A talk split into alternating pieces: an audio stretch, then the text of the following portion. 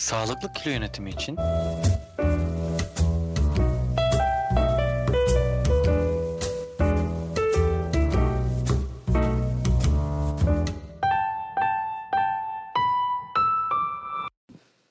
Selamlar. Beslenme Elton'u e, ikinci sezon ikinci bölüm diyelim. Değil mi Mustafa?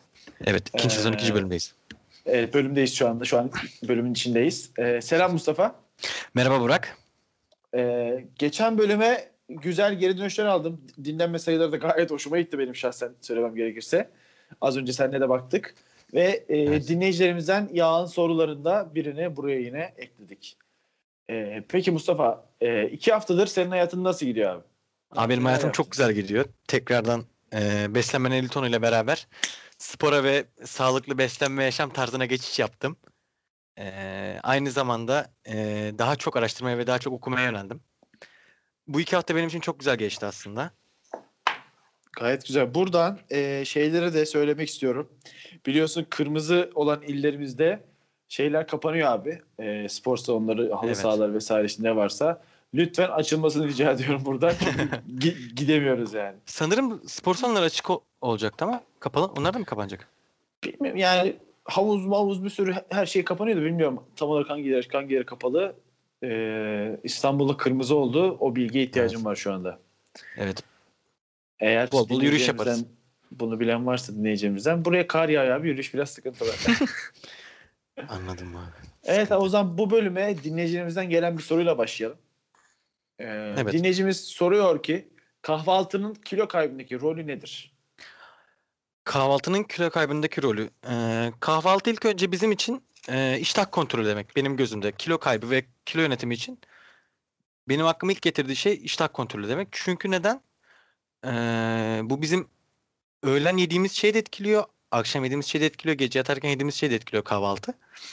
Şimdi spor yapıyor mu kişi bu da önemli aslında benim için. Neden? Ee, spor yapan kişi sabah kardiyosuna çıkıyor olabilir sabah kardiyosuna çıkan kişi de kahvaltı öncesinde bu e, kardiyoyu yaparsa veya bu yürüyüş yaparsa bu kişi için e, bu avantaj bir avantajlı bir durum yaratır. Aynı zamanda e, şimdi kahvaltının nasıl yapıldığı da önemli. Şimdi kilo kaybı yaşamak istiyorsak. Spor yapan kişi illa kilo kaybı yaşamak istemeyebilir ama e, yüksek proteinli ve yüksek karbonhidratlı bir kahvaltı yapmak mecburiyetinde. Ve bunu yeşil çayla desteklemeli bence kilo kaybı yaşamak isteyen kişi. Spor yapmıyorsa da kişi yine kahvaltı yapılmalı.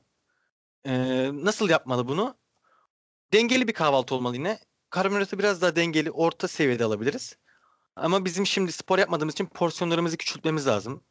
Ee, buna yeşil yapraklı sebzeleri de ekleyebiliriz artık. Çünkü birim- bizim iştah kontrolümüz önemli. Kilo kaybetmek istiyoruz. Ee, peki nasıl kahvaltı yap- yapabiliriz? Buna da bir örnek vereyim. Ee, yulaflı, sütlü kahvaltı yapabiliriz. Yanına spor yapıyorsak yumurta beyazı ekleyebiliriz protein oranımızı arttırmak için.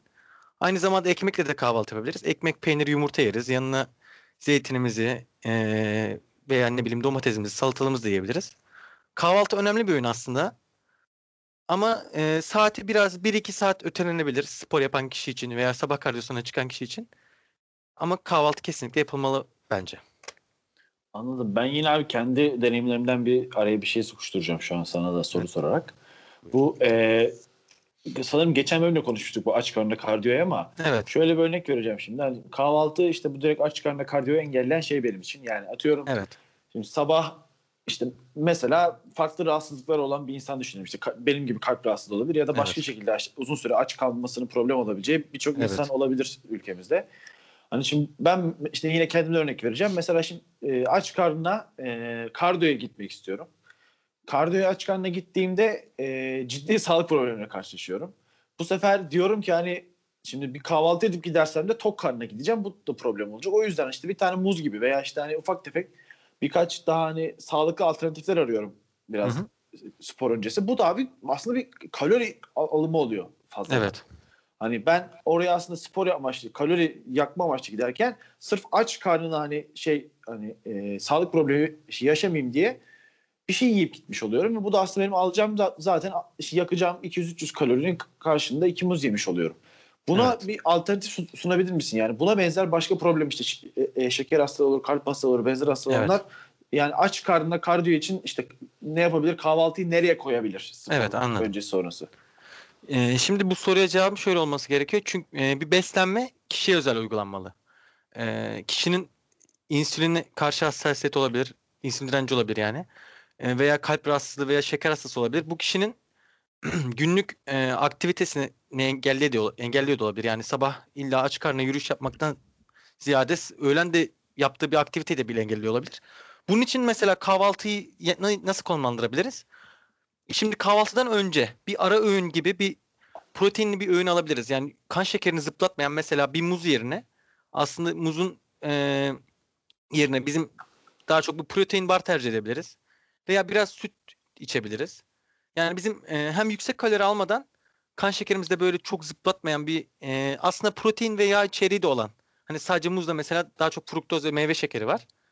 Yani daha çok protein ve yağ yönünde tercih edersek e, o ilk öğünümüzü kan şekerimizi bir anda zıplatmayacağı için hem bizim için kalorik olarak da aynı seviyede kalacak bu protein yağlı öğünümüz. Yani ceviz olabilir bu, süt olabilir. Hem bir de e, yürüyüş esnasında senin kalp sorunu varsa, işte şeker sorunun varsa bununla ilgili bir sıkıntı yaşamama neden olacak. Aynı zamanda kahve de yanında içilebilir. Hem e, performans artışı sağlar hem yağ yakımına ka- katkı sağlar. O yüzden bir sütlü kahve örneğin veya sütün içine e, bu Hindistan cevizi yağları oluyor. Onlardan atılabilir. Hem yüksek performans sağlar bu Hindistan cevizi yağları. Hem bir de hastalık karşısında bizi daha koruyucu bir etki sağlayabilir. Anladım. O zaman e, e, hazırladığımız sorulara geçelim istersen. Evet. E, ikinci soruda kilo vermek için e, glisemik indeks e, düşük, e, düşük mü beslenmeliyiz? Anladım. Şimdi kilo vermek için e, herkes şunu yapıyor. Ne bileyim bulgur pilavıdır, yulaftır. Bizi daha çok tok tutacağını düşündüğümüz lif, yüksek lifli besinlere yöneliyoruz. Daha kompleks karbonhidrat kısmına yöneliyoruz. Aslında bu e, sedanter bir birey için yani normal normalde masa başı çalışan, günlük e, aktivitesi düşük olan kişiler için olması gereken şey. Ama biz yürüyüş yapıyoruz, artık spor yapıyoruz. E, beslenme maratonunda da sürekli vurguladığımız artık direnç egzersizlerini yapıyoruz. E, artık bizim için insülin, dire- insülin direnci bu kadar büyük bir problem değil. Neden? E, çünkü bizim yaptığımız spor kaslarımızı aktifleştirdiği için e, yü- yüksek glisemik indeks alabiliriz. Mesela yaptığımız spordan sonra pirinç yiyebiliriz, meyve yiyebiliriz. Ama bunları yaparken tabii kaloriye dikkat ediyoruz.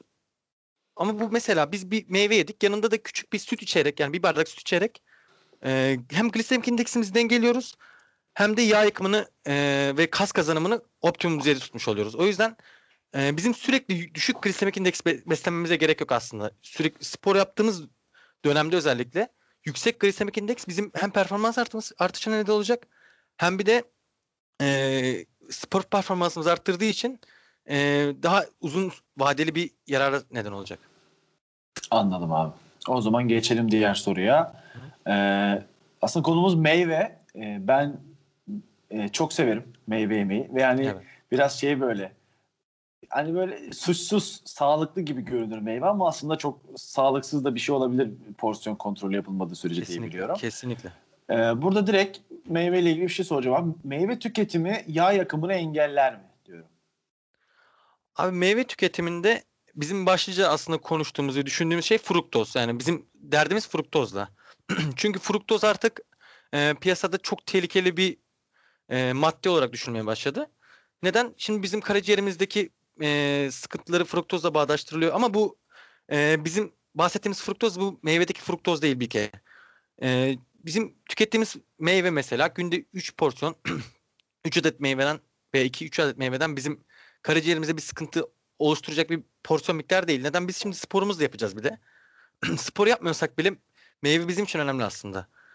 Bu meyvenin bir kısmı zaten glukoz olacak. Günlük e, faaliyetlerimizde harcayacağız. O yüzden e, hiçbir sıkıntısı yok şeyin meyvenin bence. Aynı zamanda spor sonrası proteinle beraber meyve tüketimi aslında çok önemli. Neden? Spor sonrası abi biz e, meyveyi spor sonrasına aktararak hem e, kan şekerimizin düşüklüğünü bir miktar gideriyoruz.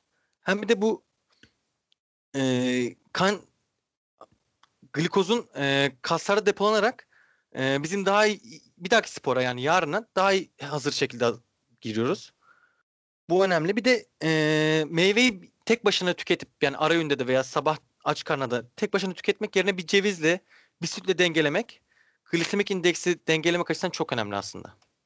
Anladım. Gayet bi- bilgilendirici oldu. Abi, e, kısaca ben yeni bir ekleme yapacağım son olarak.